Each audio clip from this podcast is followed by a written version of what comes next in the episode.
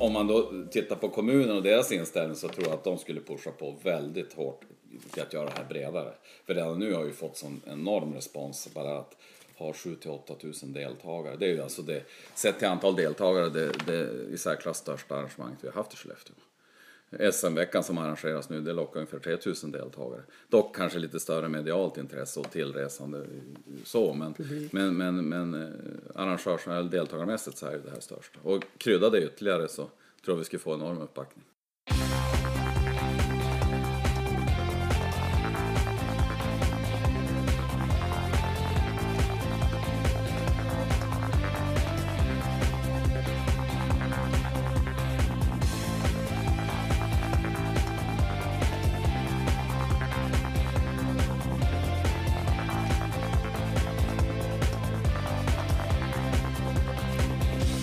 Hallå där! Varmt välkomna till en ny podcast ifrån Radio O-ringen. Det här är nummer 89 i ordningen.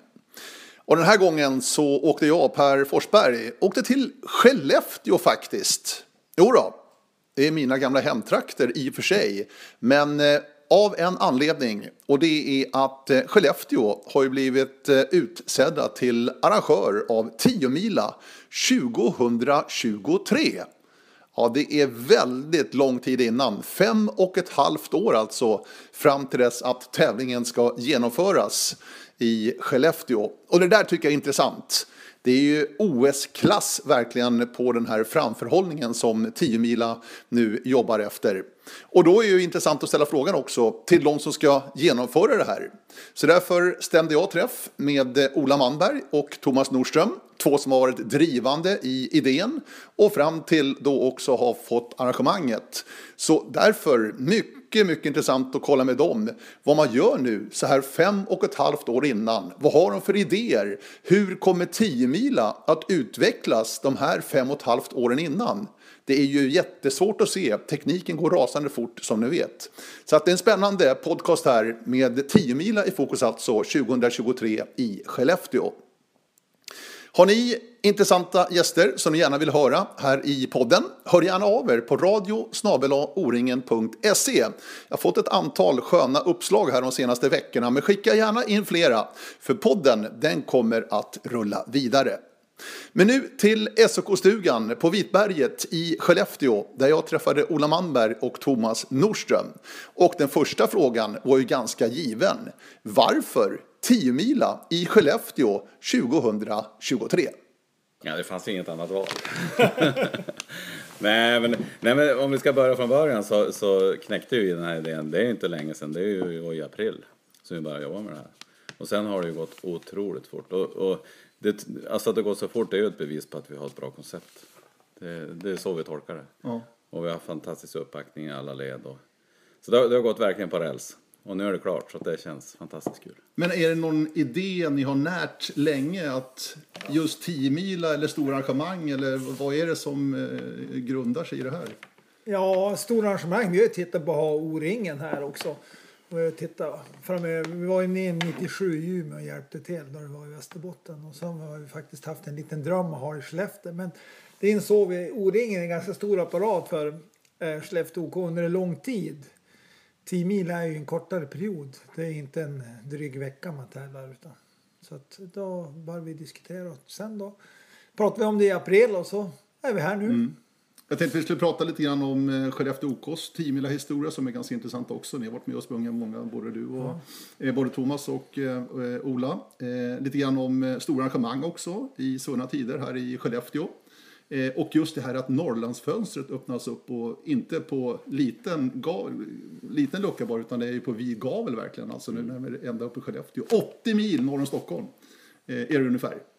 Bilvägen. Det ska vi också prata om, för jag menar Norrlandsklubbarna får ju ta sig ner varje år för att springa 10 mil. Så att det blir ju omvänt nu. Mm. Så att det blir också lite spännande. Men eh, till, att, till att börja med, 10 mila historien för dig Ola. När började ja, den, liksom? det, det, kan man, det är ju fantastiskt att man håller på fortfarande. Det var ju 81 i Kungsängen. Nej, det, klassiska. det är den klassiska. Och 1981, 17 år var man då och eh, man minns det som det var igår. Men att man håller på fortfarande, det är ju fantastiskt när man gjorde det 10 mila. Vad minns du från 81? Jo, jag minns det stor, enormt stora diket eh, efter halva banan. Det var ett riktigt krondike. Man sprang över ett ett gärde i två kilometer och så är det vätska på andra sidan diket och man ska över det där diket. Och ner till, eh, över bröstet och så bara kallvatten. ja, det är det, jag minns det, det är fantastiskt. Det är, många, Eh, och- och- det är många yngre som vill lyssna på det här också, Ola. Berätta hur det var 81, alltså vad, hur var förhållandena? Ja, alltså, ja, 1981 det var snö, det var kallt, det var vidrigt. Jag sprang första sträckan, eh, 17 år, första sträckan i andra laget. Eh, jag, kom in, jag tror inte det var natt. Det, det var pannlampa, men jag tror inte man startade när det var mörkt i alla fall. Och svinkallt. eh, så att ja, det, det är det jag kommer ihåg. Och efteråt fruktansvärt egentligen. Det var bara lera, man kommer ihåg leran och, och snön. Men ändå fortsatte du. Ja, jag gjorde 17 lopp till. 17 timmar till. Ja, 17. Så att, eh, ja. Det bästa 10 millimeter? Nå, det var väl när, när det var 90, det var väl 86 va? Var det Dunker? Var det det? Ja, då, då, lyck, då fick, jag brukar säga att jag hade innerkurva på första sträckan. jag sprang på innern där så jag hade bra gaffel. Så att Kort jag, gaffel alltså? Ja, just det. Så jag, jag ledde där stora delar av loppet men, men eh, jag orkade inte ända in i mål så jag var fem minuter efter där. Så det är väl det, det som, för individuellt. Annars kan man ju säga så, som, som klubb så gjorde vi nästan det bästa året. Eh, även om vi, 93? ja, det var, det var tvaråret. Ja, då vi körde på hösten. Ja, på hösten. Då, då märkte vi väldigt tydligt att vi som Norrlandslag hade en fördel för att då hade vi kunnat tävla en hel säsong och, och, och då det gick på hösten så, så gick det ju väldigt bra, det märkte vi ju. Jajamän. Eh, Så det, det tycker jag, det, det var ett år också som jag minns väldigt Mm. tydligt. Thomas då? 10 mila. Ditt första? Ja, jag tror sprang 79. Och jag har sprungit inte lika många som Ola. Jag har sprungit eh, 12 stycken. Har jag gjort. 79 var enhörna. Ja, jag kommer inte riktigt ihåg. Det var, det var så spännande bara få vara med i första laget och springa där. Så att, Vi hade bara ett lag då. På 80-talet var det två lag och sen eh, nu har vi bara ett igen. Ditt bästa 10 mila menar du? Jag undrar om inte alltså, eh, om det är 93. För då var vi uppe, vi hade ju triathlon-SM som arrangerade ju Skellefteå OK som delarrangör i det. Och, Eh, då var ju du med som speaker på triathlon-SM och eh, sen skulle vi åka ner till 10 mila. Och bilen på vägen ner sitter vi, jag tror vi var i söder om Sundsvall. Då hör vi, ja här är på långa natten, behöver radiokontroll, här kommer in. Eh, det, det Skellefteå OK, Fredrik Åhman leder. Och där ska jag springa två streck efter, efter honom med nattgaffel. Så jag kan säga mitt hjärta galopperar ju där. Lite halvotränad. och ska ner och springa och ledde vi 10 mil. Och så eh, kom jag ner och, så sprang Per Norén sträckan efter och han tappade lite så att han eh, kom in ja, 40, 40, 45 och skickade ut mig. Och det, det gick jag dyngspik alltså. Men jag var inte tillräckligt bra på att springa men jag tappade fem placeringar kanske. Jag kom in strax runt 50. Så det var, det var jättenöjt faktiskt. Skellefteå OK har ju vunnit första sträckan på 10 mila en gång. Mm. Eskil Westermark. Eskil, 1976. Det var 76, Ja. ja. var. I Riala. Ja, kan. Eskil Westermark, ja, precis. Ja, ja. Det var tider det. Det var tider. Ja. Jaha, 10 mila i eh, Skellefteå. Eh, det har naturligtvis många som har haft synpunkter på det här ganska snabbt naturligtvis. På, va? Skellefteå? 10 mila? Vars kom vi ifrån? Ja, var kom ni ifrån? Och vad, vad hände här? Hur kunde 10 mila ta det beslutet och skicka upp det ända upp till Skellefteå då? Vad tror ni är orsaken?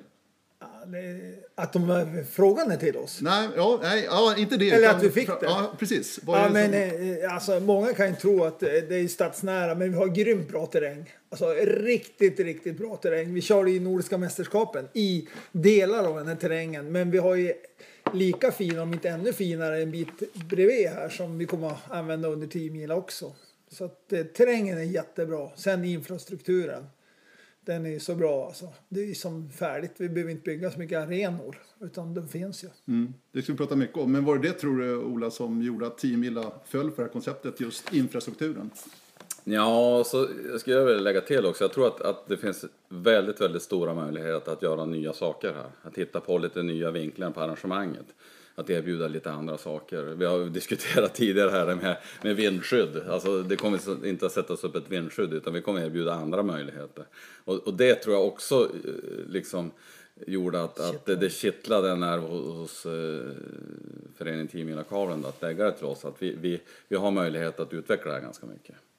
Och, och, och vi har ju redan idag idéer.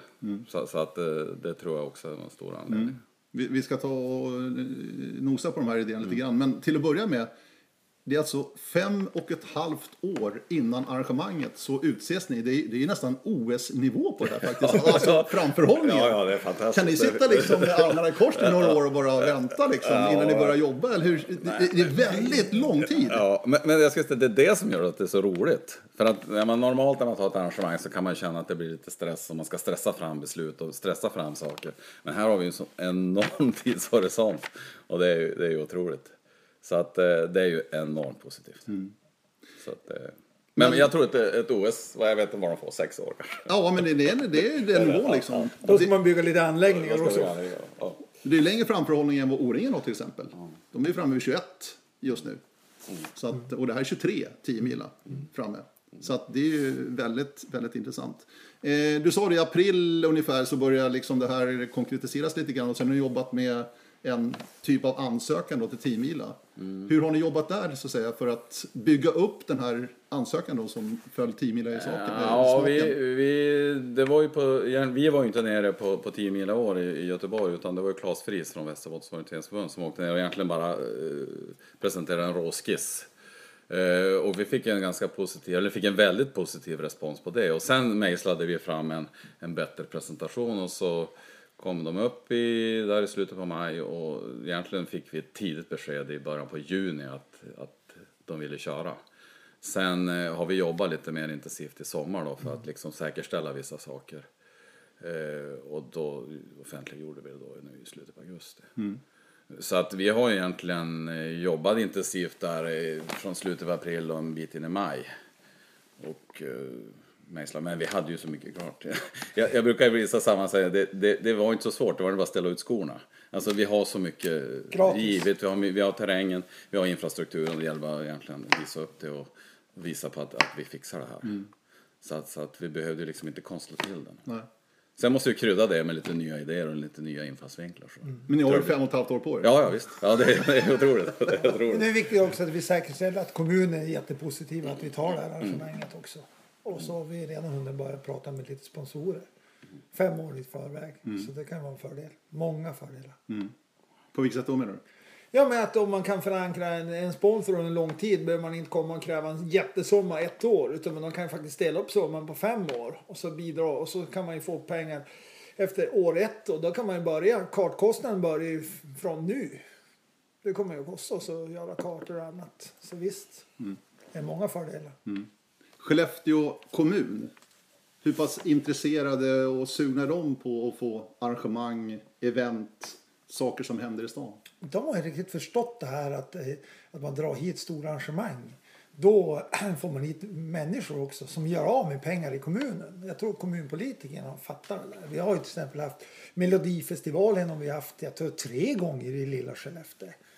Och så gillar de ju stora. Vi har SM-veckan nu i vinter. De gillar att dra igång stora projekt hit. Så därför är de ju välvilliga till det. Är de välvilliga också ekonomiskt och liksom hjälpa till?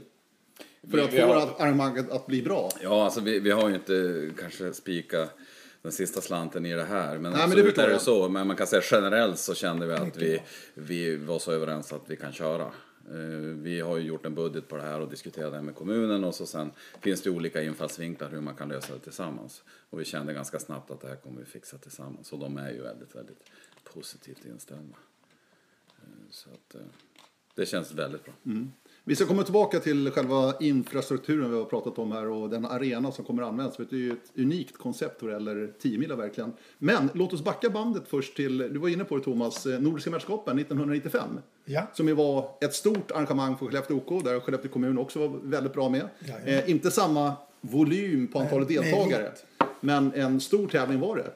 Vad minns du från 95 och Nordiska mästerskapen här i Skellefteå? Ja, det var, det var jättemäktigt att de kommer. Men eh, det som etsade mig fast mest det var ju mm, att vi hade en, bro över Skellefteälven enkom byggt för orienteringstävlingen. Det är lite mäktigt ändå måste jag säga. Det händer ju inte varje år. Men sen var det många duktiga. Mårten som var ju uppe och jag hade ju äran att lägga banor på medeldistansen. Här på, just på Vitbergsområdet. Och det var lite kul att få lägga såna här elitbanor. Det hade man ju aldrig gjort förut. Nej, den där bron över Skellefteälven då, uppe i Renström under långdistansen. Det mest fascinerande med Nordiska mästerskapen 95 är att det var ju inga publiktävlingar då egentligen va? Nej. Det är ett måste nu för tiden liksom, vid stora arrangemang för att få volym och få publiken liksom, och orienterarna på plats. Men det var ju inte aktuellt på Jag den tror tiden. det gjordes ett litet försök då på medeldistansen som du la på Vitberget här. Och det gjordes väl ett försök men jag vet inte, jag tror inte det var någon, någon stor skara åskådare. Nej. Det var det verkligen inte. Nej. Så att eh, ur den aspekten var det ett ganska litet arrangemang egentligen. Ja, Det var det. Men det var ju hög klass på, på de tävlande. ja, verkligen. Vi sitter förresten i eh, Skellefteå OKs eh, klubbstuga, SK-stugan uppe på campingen. Jajamän. Det är ju skidstadion här också på vintrarna och camping på somrarna kan man säga. Lite så. Eh, det jag minns från eh, Nordiska mästerskapen då, jag är ju gammal Skellefteåbo och bodde här uppe då på den tiden. Eh, det är ju Kusmark, eh, stafetterna uppe i Kusmark och Katarinaborg. Ja. Som gick ut i en jätteledning på sista sträckan och gjorde ju några fruktansvärt stora missar. En stor miss var det, det var flera också, men det var en gigantisk miss. Ett jättesvårt område ska vi säga. Men det var en ganska enkel kontroll tror jag. Inte jag minns. Eller? Men, det- det Men tyvärr så präglar det där hela Kattas karriär sen. Ja, ja. Hon fick aldrig chansen igen att springa stafett. Det var väldigt tufft. Det är ett extremt läckert Svårt, område, ja. Kusmark. Det finns ju väldigt mycket variation och mycket områden här runt Skellefteå. Faktiskt. Jo. Renström, Kusmark då, och så här på Vitberget var ju de tre tävlingsområdena då 1995. Ja, nej, men det, det, var, det var faktiskt riktigt bra. Men jag kommer ihåg en grej till och säger Vitberg. Dagen efter Nock, då hade vi en publiktävling. Och om segraren slog Ja, segraren i Nock fick de en guldtacka skänkt av Boliden. Det tycker jag var lite coolt. Alltså, det var ju de som försökte satsa, våldsatsa, men de missar ju. För de måste springa fort, slå han som vann Nordiska mästerskapet. ja, verkligen. Det var ju Kenneth Cederberg förresten, Ja, ja, finlandssvensken, Jajamän. som sprang för J5. Ja.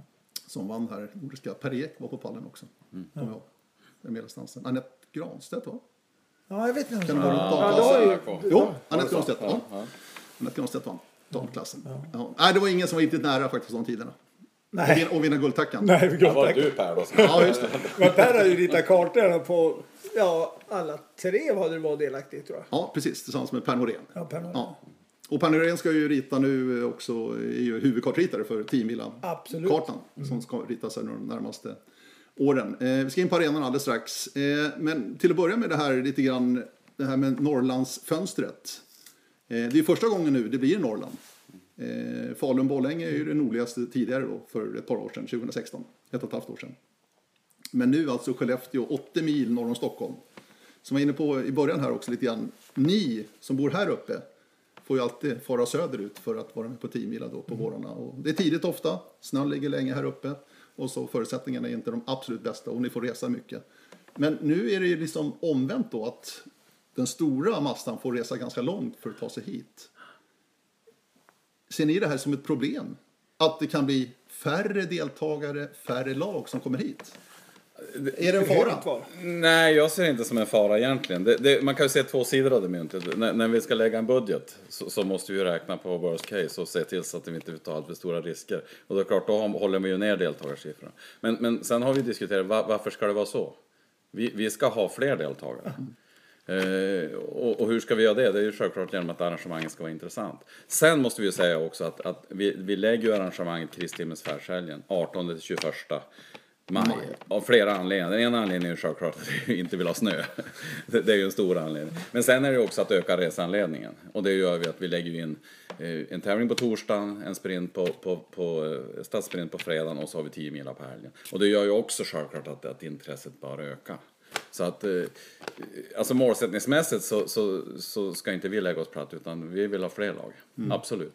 Och, och det kommer vi att visa genom att vi, vi kommer att ha ett intressant koncept. Självklart. Som man inte vill missa. Nej, Man ska inte missa. Man ska inte missa. Absolut. Nej, men det, om vi bara tittar på andra sidan Kvarken här, Finland och Jukkola. Eh, de ska upp till Rovaniemi igen här om ett och ett halvt år sedan. Eh, eller om, ja, nästan två år blir det ju. Nästa år är Lahtis, men året efter är det ju Rovaniemi. Och det är ju ännu längre norrut. Och det har varit flera gånger Rovaniemi. Eh, och det, alltså, jag tror inte det är någon, någon större skillnad på deltagantalet när det är Rovaniemi jämfört med Lahtis. Jag, jag I kan inte, jag Nej, kan men inte jag- jag tror siffran, men, men det är fullt naturligt att, att, att man rör på arrangemangen på finska sidan. Så är det ju. Ja, så är det. Absolut. Ja, men 10 får du vänja sig vid det nu Ja. också. I och med att de har ju öppnat upp. Ja. Så att vi, vi är absolut positiva till att vi ska ha fler lag. Eh, Men det gäller att jobba och, Ja. och visa att det finns en anledning att komma. Men att resa hit till Skellefteå? Hur? Ja, hur reser man hit till Skellefteå? Alltså alla har inte varit i Skellefteå. Många vill nog upptäcka den här stan också. Och området. Och terrängen. Och... Nej men alltså i dagsläget så flyger man. Så är det ju. Det är ju det enklaste. Jag tror vi har 68 avgång, ankomster och avgångar varje dag. Så Ja. att flyg, absolut. Vi har ju två flygbolag som flyger nu med. Förr det bara var SAS, men nu är det mm. Norwegian. Sen sen är det på finska sidan och lockar de finska löparna självklart. Och då är det klart, då går det ju färjeförbindelser över till Umeå och får se om vi kan rucka på det till, till det här arrangemanget. Att vi kan få dem att åka även till, till Skellefteå med färja. Men, men eh, självklart så, så är det ju båt över då, över Kvarken. Som är eh, naturliga där. Kanske ett 10 mila tåg från Skåne upp. Kanske chartrade plan från olika orter. Det finns många sätt att försöka hjälpa till att få upp dem. Så att, men framförallt visa att vi har ett bra koncept. Kom och titta. Missa inte det här året. Spring, ska ni springa ett 10 mila så spring det här. Ja, avstånd och resor ska ju inte avskräcka. Nej.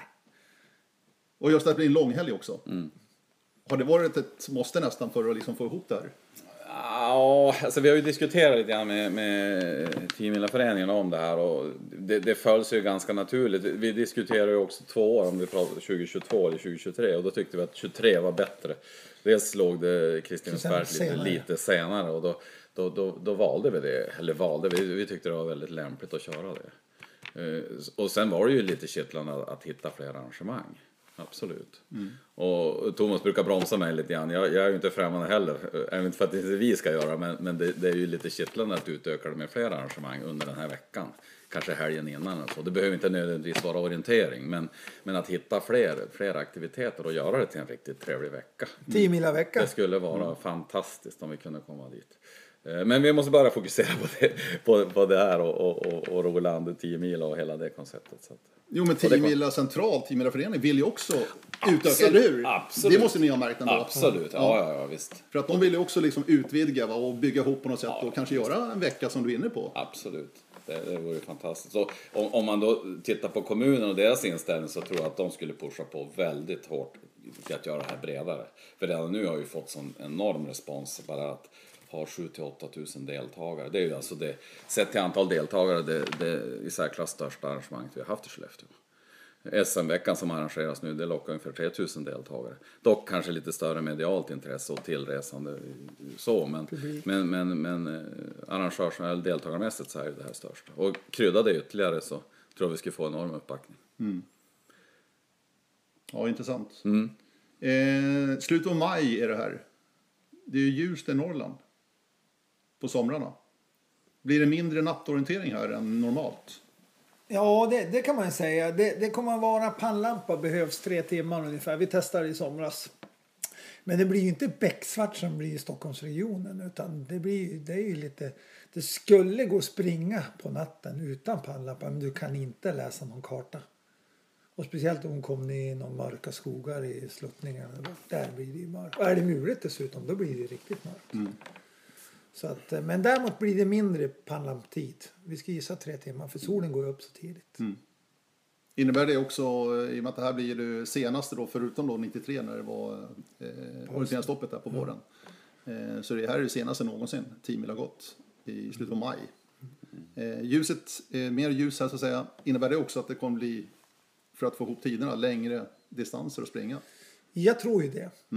Eftersom de springer fortare på dagen än på natten. Så att det, det kanske blir, långa natt kanske blir 17-18 kilometer. Men det har det varit tidigare också. Ja, Beror lite på terrängen också. ja absolut.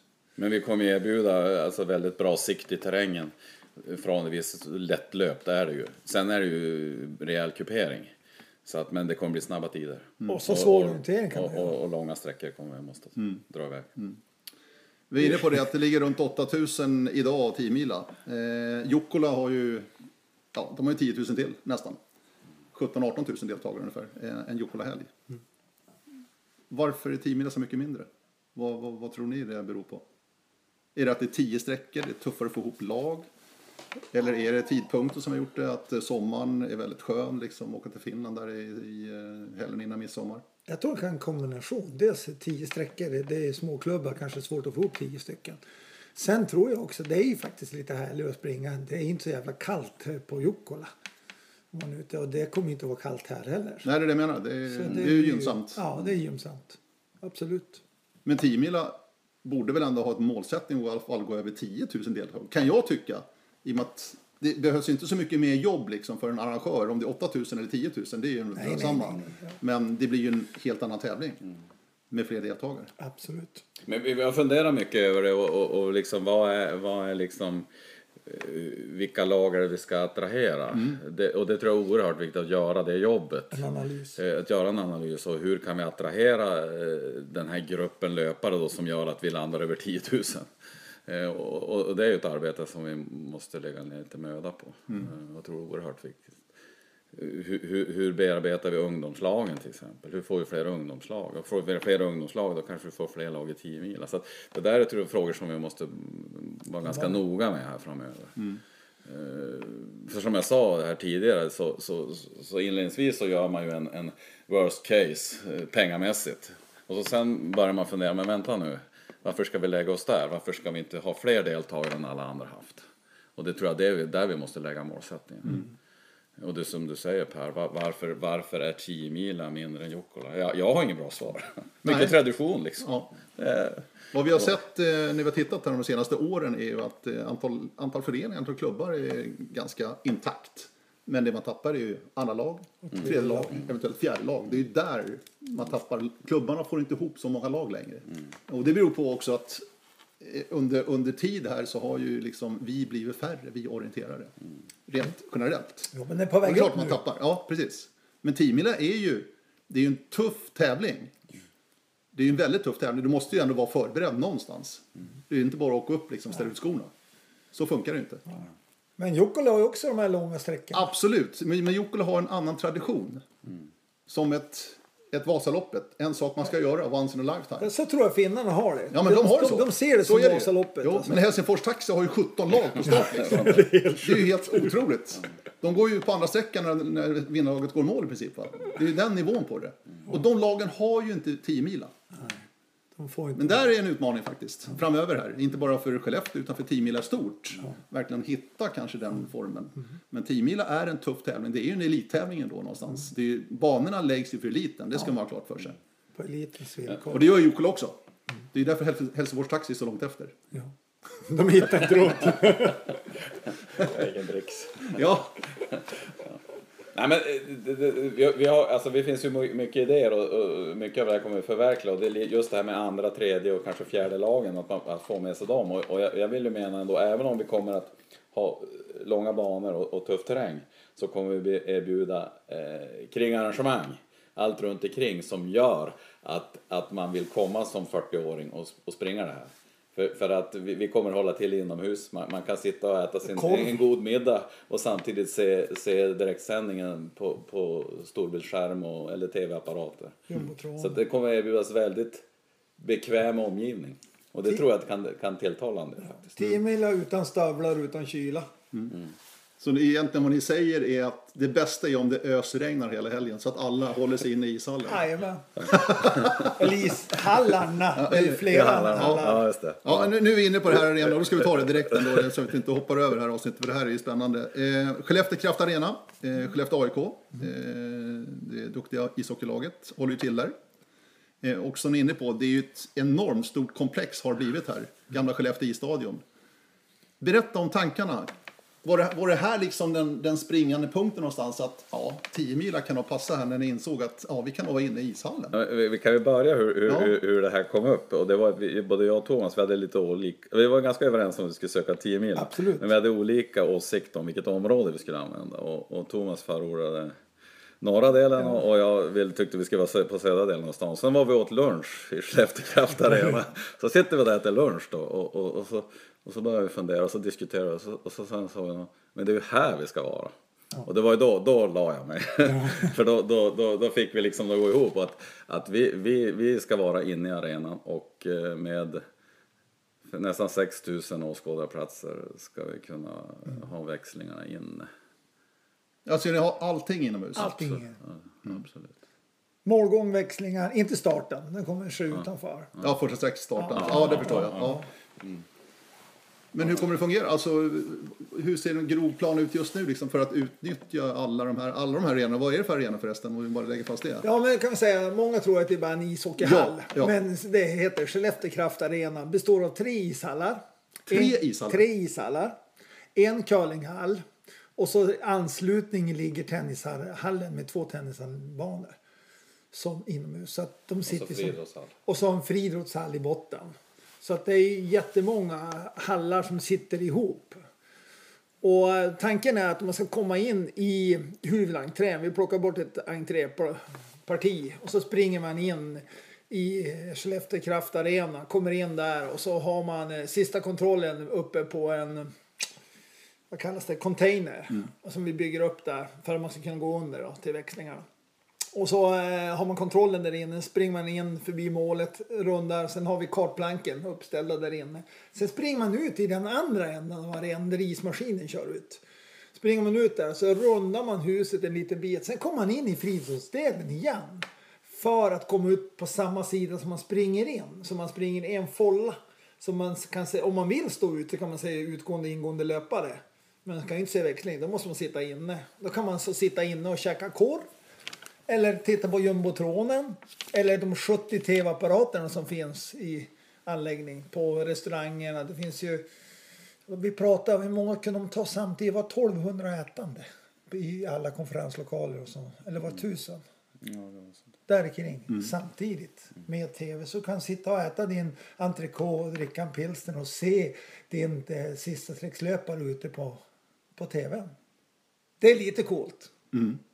Eller mycket coolt. Ja, det är det verkligen. Det är, det är ju jättecoolt verkligen. Mm. Men sen har vi allting annat där. Duscharna finns där. Vi har ju rubbet. Toaletterna finns där. Vi bygger inga bajamajor. Allt finns i anläggningen. Så det, det, är lite unikt. Eller vad säger du Ola? Jo, nej men det, det, det är helt fantastiskt. Eh, eh, sen, sen, sen självklart måste ju vissa grejer vara ute ändå. Vi har ju campingplatsen, vi har parkeringarna inom 300 meter, vi har stugor 400 eh, bäddar i, i, inom 300 meter. Sen blir det självklart hårt underlag. 900 meter till hotell. Så att det, det, vi har ju allt boende inom gångavstånd. Mm. Så att det, det, blir otroligt kompakt. Eh, och utan att vi egentligen tycker att vi har avkall på orienteringskvaliteten. Till startpunkt 300 meter, något sånt. 300-400 meter. Det är ju det är normalt. Säga, det är normalt. Det är normalt. Det, det är så det ska vara. Ja, så var det inte Jokkarna för två år sedan nej, kan jag säga. Nej, nej, nej. nej, nej. Alltså, det är inget liksom, konstigt. Nej, nej, nej. Och, och, och, det här är ju, vi, vi har ju inte snickrat det här färdigt va? utan det, här, det är ju det här som är så kittlande med de här fem åren vi har på oss. Att, att mejsla ut lite idéer och, och utveckla konceptet kring det här. Och, och, och kunna erbjuda lite andra eh, en annan upplevelse helt enkelt än att, att, att springa en långa natt rakt upp och ner. Utan här erbjuder vi nog mer än det det är rätt skönt som arrangör också tänker jag. För att just att bygga upp en arena för ett stort event som Tiomila. Ja. Det är både en väldigt stor kostnad och det är väldigt mycket jobb. Mm. Här har ni allting på plats egentligen. Till, till en viss kostnad naturligtvis för att hyra lokaler och annat. Ja, ja. Självklart, det är inte det jag säger att det är gratis, men ändå. Mm. För en arena, bygga upp en arena för Tiomila, typ i Göteborg, mitt ute liksom på, på ett fält bara där det finns ingenting. Hur mycket jobb som helst. Det är mycket jobb och det är mycket pengar. Mm. Och det är risk. Och det är en risk. Ja. Det såg vi i Göteborg till exempel. Ja, ja. Med regnet som kom under helgen. Kostar en massa extra pengar. Ja, fixa. precis. Mm. Men alltså vad ser du framför Ola? Ser du att det är 6001 platser officiellt i Skellefteå Kraft Arena. Utan någon anledning. Man slår över någon 6000 gräns där. När det gäller ishockey. Eh, 6001 personer i Skellefteå Kraft Arena. Ser du framför att det liksom är runt en målgång, att det är fullsatt? Ja, ja jag, jag ser ju det. Och, lite hockeystämning. Ja, lite, lite, liksom, lite puls. Va? Och, och, och bra speaker och bra ljud, bra ljus. Alltså, ja. Jag vill ha lite show kring mm. det där. Mm. Sen vet vi hur Simil är. Det är, det är, det är långt och det, det, kan bli lite utdraget. Men vissa pikar tycker jag att, absolut att vi ska utnyttja det här drömmen vore ju att vi hade en hejaklack på några stå. Nej men alltså lite, lite så att man får också klubbarna att, att liksom mana på det här lite grann. Mm. Mm. Uh, och hur, hur, vi ska pusha det, det får vi fundera över. Men, men det vore ju fantastiskt. Mm. Uh, det beror lite grann hur vi lägger upp växlingarna och sådär också. Hur, man, hur mycket man kan se av egna löpare och egna lag och så. Men, men, eh, Men det tycks det ska det det vara lite nu show. alltså. Det ska vara show. Ja, ja, det, det, det- det jag tror det är jag. viktigt. Ja. Eh, och det då, jag gäller, orientering då, gäller, behöver. då gäller det också att det är en publik som, som hakar på. Men, men eh, det, det är ju, vore en dröm. Och, och varför inte säga att det, det kanske kan vara så också att det kommer folk att titta på. Ja, men det, är måste ju inte- vara ett det, måste. det, det är vi inte så bortskämda med. Nej, exakt. Så att Det är lite vi, vi, tänker, vi tänker att det är 8000 deltagare, där är det ungefär 8500, då 500 som följer med. Men, men visst vore det fantastiskt om det satt några tusen på läktaren? 5000 Så- års som inte orienterar. Nej, jag Det- försöker att minnas nu. Jag menar, 10 mila så här stadsnära. Eh, vi är ju inne i stan, även om den norra utkanten av Tre stan. kilometer från torget. Det är tre kilometer från torget, ja. Det är uppför hela vägen. kan inte vara tre kilometer. Nej, till, nämn, Nej. till, nämn till, just det. Nej, 1500 meter. ja 1500 precis. Ja det stämmer väl tycker jag också. Ja exakt. Men där är ju en utmaning verkligen att få alltså Skellefteåborna känna också, jag vill titta på 10 mila live Ja, på plats. Fri entré. Då räcker inte de där 6001 platserna. Nej.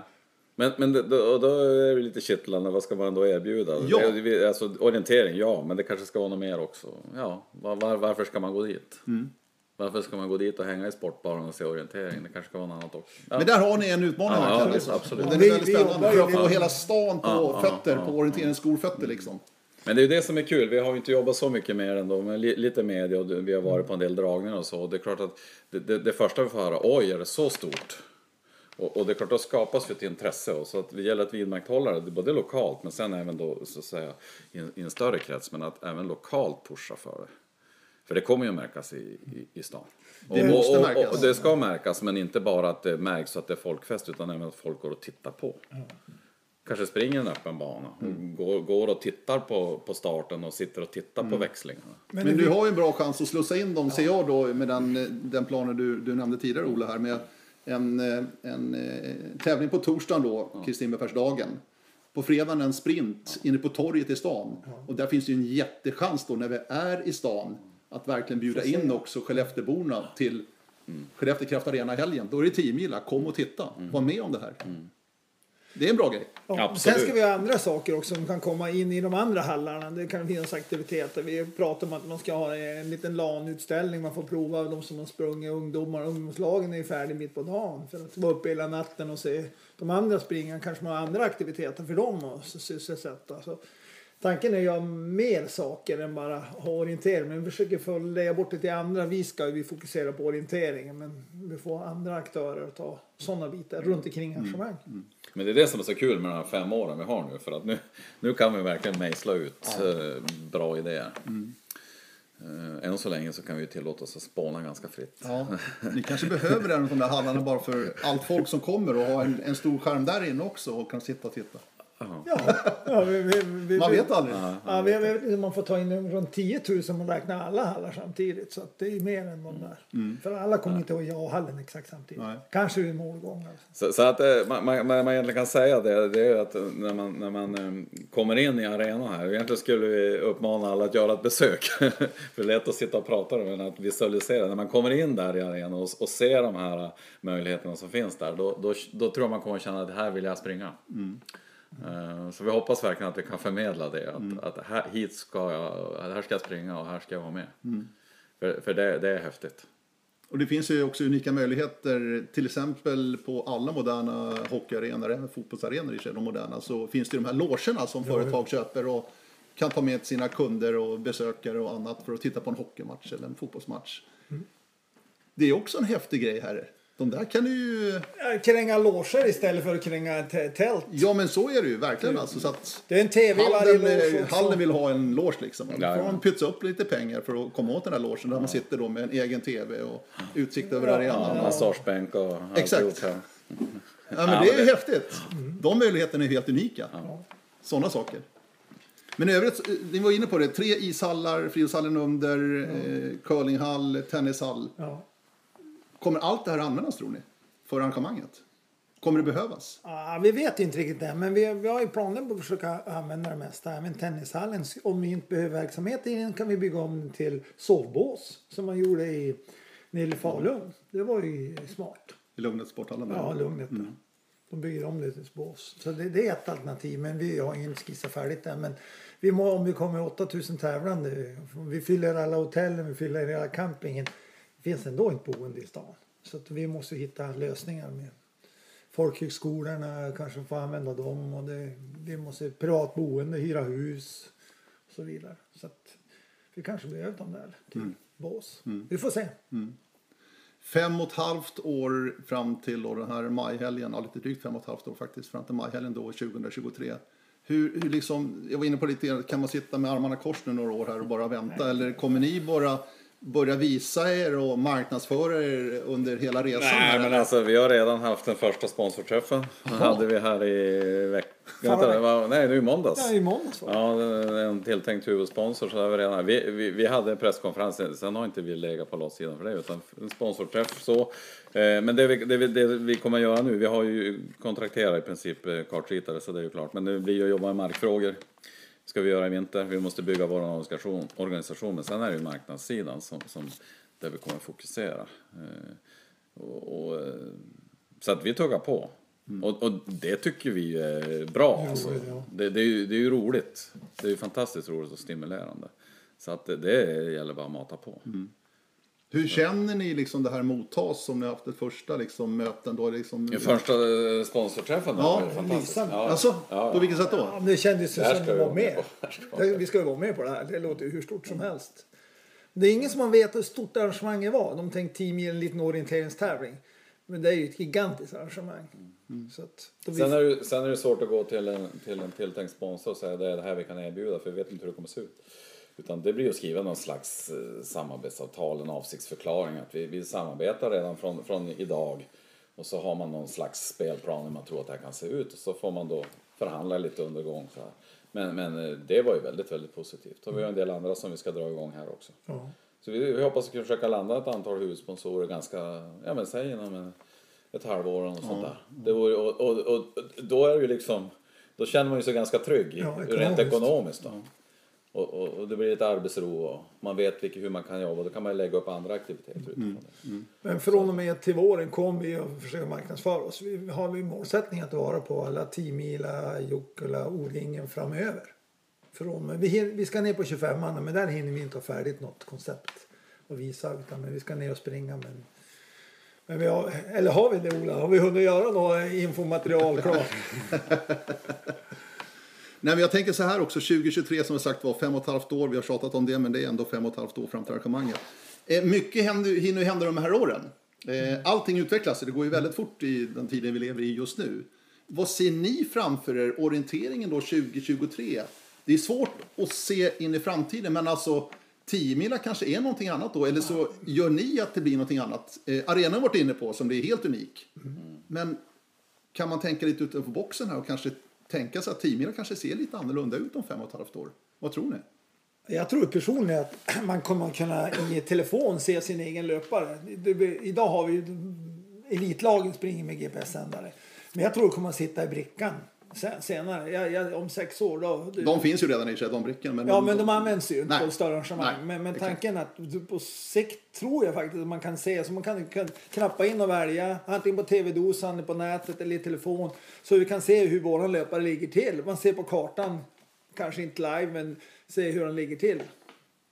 Mm. Jag vet inte hur man ska göra då med kartan, om man kan släppa den när man har grovare kartor. Det är saker som man inte riktigt vet. Men för det, om man ska se kartan direkt hela tiden, det, då har man ju som avslöjar för de som springer nästa steg. Då måste man ju sprida områdena ännu mer än vad det görs idag. Och vi har ju tittat på att sprida ganska mycket, men vi får ju se det blir. Men det, det tycker jag var lite grann det som jag blev lite positivt överraskad över när det var diskussioner med 10 mila. Det var ju att, att de var väldigt öppna för förändringar. Och då tycker jag då att de har kommit väldigt rätt. För att vi är ju också väldigt, vi, vi är ju inte stöpta i någon speciell form utan vi är ju jättepigga på att hitta Nya bra lösningar. lösningar. Sen måste ju det innebära också då att, att det kommer fler löpare. Det är ju det vi vill. Så att det är klart, det är inte självklart att man bara ska utveckla för utvecklandets skull. Utan det ska ju bli en ökad attraktion. Och, men det är ju liksom kändes ju väldigt positivt och då tycker jag att vi är den rätta arrangören för att vi är väldigt sugna på nya idéer. Ja, och. Mm. och vi tycker att vi har möjligheterna. Det, det absolut. Löparna kanske har sån här GoPro-kamera på sig allihop. Ja. Vem vet? ja. Du var inne på det inne också i, eh, inne i Skellefteå Kraft Arena då så har du den stora jumbotronen också. All teknik, allt sånt finns ju redan. Om man bara sitter tillbakalutad i en stol där. Synd att man måste springa också. Synd om man måste springa, ja. Det är väldigt skönt att sitta där förmodligen. Och bara njuta. Ja. Vi var inne på eh, tennisområdet då. Eh, det är inte avlyst än området va? Men det ska väl göras här ganska snart förmodligen. Ja, jag tror det är senast två år före. Senast två år före. Ja. Man får nog stänga här lite tidigare tror jag. Det kan bli så. Ja, eh, eventuellt. Men berätta lite grann om området som ska användas. Ja, var ska vi börja? Det är... eh, Ja, Får vi, vill säga, får vi säga men alltså- helt och hållet? Nej, men det, nej, det, men det, alltså, nej, nej, det är inte så jag menar. Men Men alltså, terrängtyp. Ja, men, Men- vi ska men- vara i Skellefteå Kraft Arena så att det inte är svårt att lista ut Nej, det, liksom, det, var man det, ska men, springa. men, men ute, det, det, det, det kan vi alla kanske räkna Men sen skulle vi nog vilja påstå att vi kanske jobbar i ett litet annat eh, väderstreck än vad man kanske tror. Mm. Eh, om man känner till Skellefteå och så vidare. Eh, och vi är ju än idag ute och försöker Ja, liksom, leta eh, se hur vi kan utnyttja det här maximalt. Eh, Så, så att... Jag vet inte om vi ska säga så mycket mer. Men, men, Nej, men det är. Men, men det- är... Vad ska jag säga? Det är lite olika terrängtyper Ja. kan vi säga. Generellt väldigt lättlöpt, god sikt. Ja, det är helt korrekt. Så är det. Och rejäl kupering bitvis. Ja, bitvis. Detaljrika slutningar och svår orientering. Så, så är det. Eh, Sen vet jag inte om vi ska säga så mycket mer om vilka Det är lite, folk kommer att bli lite förvånade. Ja, för li- vår li- våran li- plan är ju lite annorlunda kan man säga. Mm.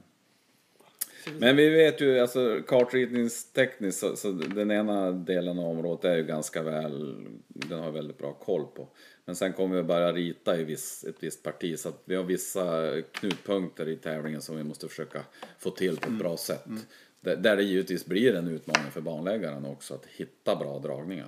Men det blir inte många döda sträckor som, Nej, man, det- som man har gjort på en del lopp. Man ska över några gamla ängar och för att komma till ett nytt område eller så. Det, det är egentligen små bitar det blir döda områden Mm. utan det är orientering hela vägen. Och det är lite unikt för att vara i så nära en stad. Mm. För man tror att ja, men, direkt anslutning där är det bara friluftsområde med massa stora stigar och vägar och så. Men Mm. så riktigt är det inte. Nej, Jag tror att man kommer att se bra, man kommer att kunna springa fort, man kommer att bli trött och det kommer att bommas. Det, det är så. Men, så att, eh, Bra Ja, sammanfattning. nej, men det, så, så är det. Det, det. Man kommer att bli rejält trött också. Ja, absolut. Absolut. Det, För det intressanta är ju att eh, Skellefteå, ni har ju alltid haft en hel del kartor och bra kartor runt här och fantastisk terräng också runt i, i kroken här i, i Skellefteå. Men sen 90-talet så har det inte varit några stora tävlingar här egentligen. Det är en liten vit fläck för många orienterare som nästan aldrig varit här i Skellefteå sprunget. Umeå har de varit lite oftare. Umeå hade ju O-ringen då, det var i sig 90-talet också. 98, nej 97. Eh, men vad tror ni de kommande åren här kommer att locka klubbarna upp hit för att börja känna på det här? Och är ni beredda på det liksom med träningsområden och annat? För att Skellefteå kommer ju komma i fokus här nu de närmaste åren, definitivt. Är ni beredda på det? Ja, vi har ju lite planer. Vi har ju redan skissat in eh, Västerbottens tredagars 2022 året innan. Det kan ju locka. Ja, och det, det kommer vi att köra två år söder om stan. Kommer ett område. Ja, kan Är det säga. relevant med 10-milområdet? Ja, mm, bitvis kan väl vara likadant som det här. Det är ganska detaljlika sluttningar. Men det är mer småberg kan man säga. Ja, inte lika tungt kuperat. Ja. Men, eh, och så kommer vi att testa arenan. Vi kommer att ha en stadsorientering eftersom vi har avlyst området i närheten så blir det en stadsorientering på fredagen kväll. Och då så man går i mål in i arenan för att testa arenan då lite grann. Och sen Då 2022 alltså? 2022.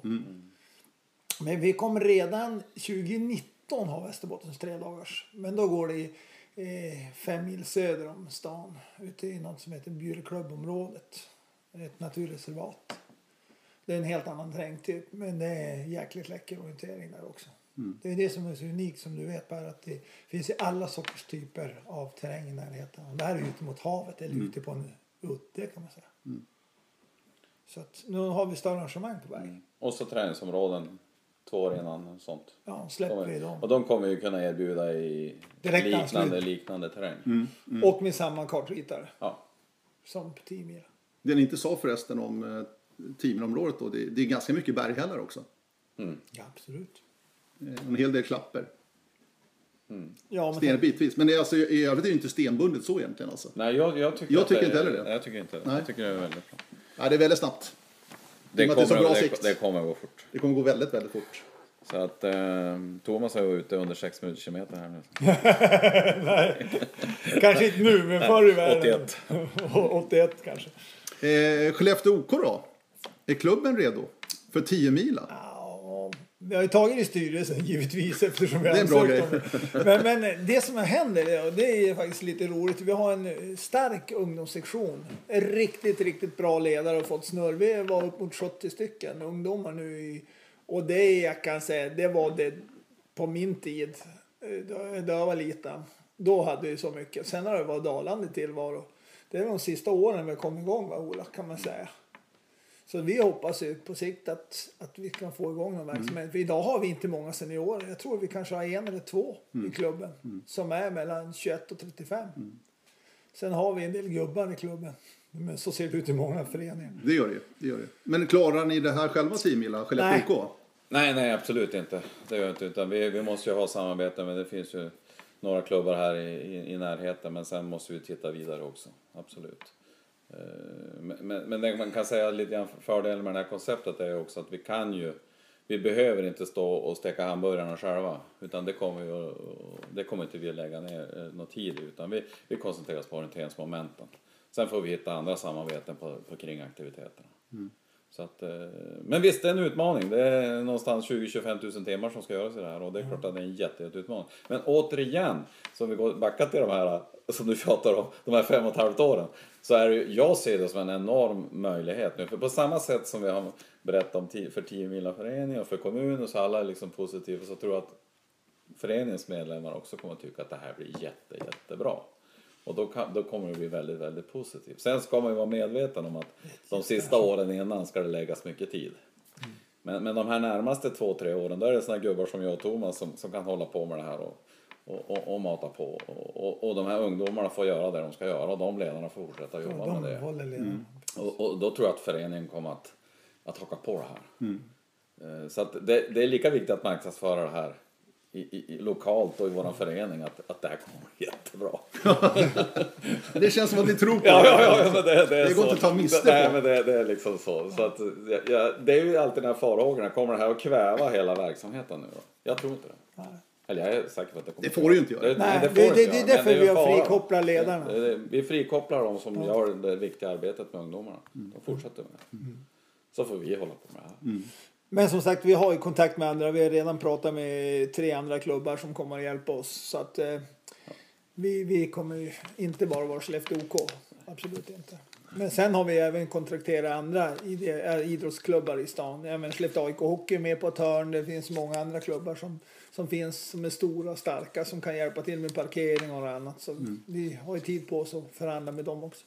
Sen är det ju så, det, det, det var ju bra i och med att vi kör SM-veckan nu. Så där finns det en stor stab av volontärer. Och det är ju också ett sånt som, som, man kan utnyttja på något sätt, eller använda i några lämpliga, för lämpliga uppgifter. Ja. Och det, det skapas ju ett sånt nätverk som man kan säkert bygga vidare på. Ni får skapa, tycker jag, en eh, SHL-klass.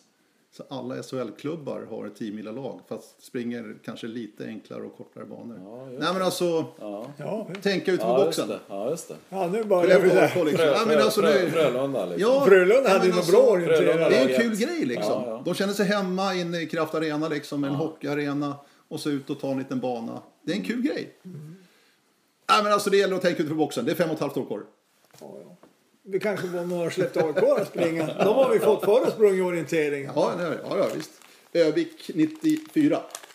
Så hade ju Modo Hockey ett eh, litet inofficiellt KM då på den tredje etappen. Ja, ja. Ja, ute i Kornsjö. Ja, ja, ja. Eh, Andreas Salomonsson vann, kommer jag ihåg. Faktiskt. Bara en sån sak. Men jag körde orientering här på Vitberget. Jag var barmarkstränare 78 till... Nej, inte 78. 88 till... Eh, tre säsonger var jag. Till 90. 88, 89, 90. Ja, de säsongerna var barmarkstränare. Då körde jag orientering med Skellefteå AIK. De hade ju tävling då på hösten. Får vi köra i år då. Ja, det bra. Framåt. Då var Thomas Malmberg med. Nick Niklas, förlåt. Niklas, Niklas, Niklas. Niklas. Ja, Niklas. Ja, inte... Nej, nej, nej, ja, Niklas. Jajamän. Han var bra landslags- orienterare också. Ja, ja, landslagsspelare. Ja, verkligen. han. Ja. Ja, men kul hörni. Eh, Ola Malmberg, Thomas Nordström. Eh, stort tack för den här podden. Det jag ser fram emot mest 2023 då i maj, Kristin Färsäljen, det är att verkligen få Skellefteå på fötter här och få ortens invånare här och ta till Skellefteå Kraft Arena och kika på 10 mil. Det ser jag verkligen fram emot. Hoppas att vi fyller den där arenan och det blir en Det skulle vara sjukt coolt. skön Ja. stämning där inne. Och så lite- lite hockeystämning liksom. Hejaklack. Kom Ja, igen ja, så ja. stora är det. Ja, det ser jag verkligen fram emot. Alla stora klubbar sitter med varsin hejaklack där på läktaren. Ja. Ja, men, och, och, vi kan inte låta bli att- sluta prata om det här också. Jag, jag tror ju också att, att det kan bli en väldigt spännande tävling. Jag, jag tror att te- terrängen kommer inbjuda till det. Sen, sen gäller det även att banläggaren liksom klarar med sig. Jag tror att det kommer, det kommer bli väldigt spännande. Kommer bli tajt tävling. Bra. Och det, och det är ju också en anledning att folk kommer, kommer att titta på. Det säger du nu redan fem och ett halvt Ja, år ja jag, jag, jag, jag bettar på det. Underbart. Stort tack och tack för att ni lyssnade också på Radio O-ringen podcast avsnitt 89 alltså. Hör gärna av er på radio oringen.se. Vi säger tack tack och bock ifrån SOK-stugan uppe på campingen i Skellefteå. Hej då! Hej då. Hej då.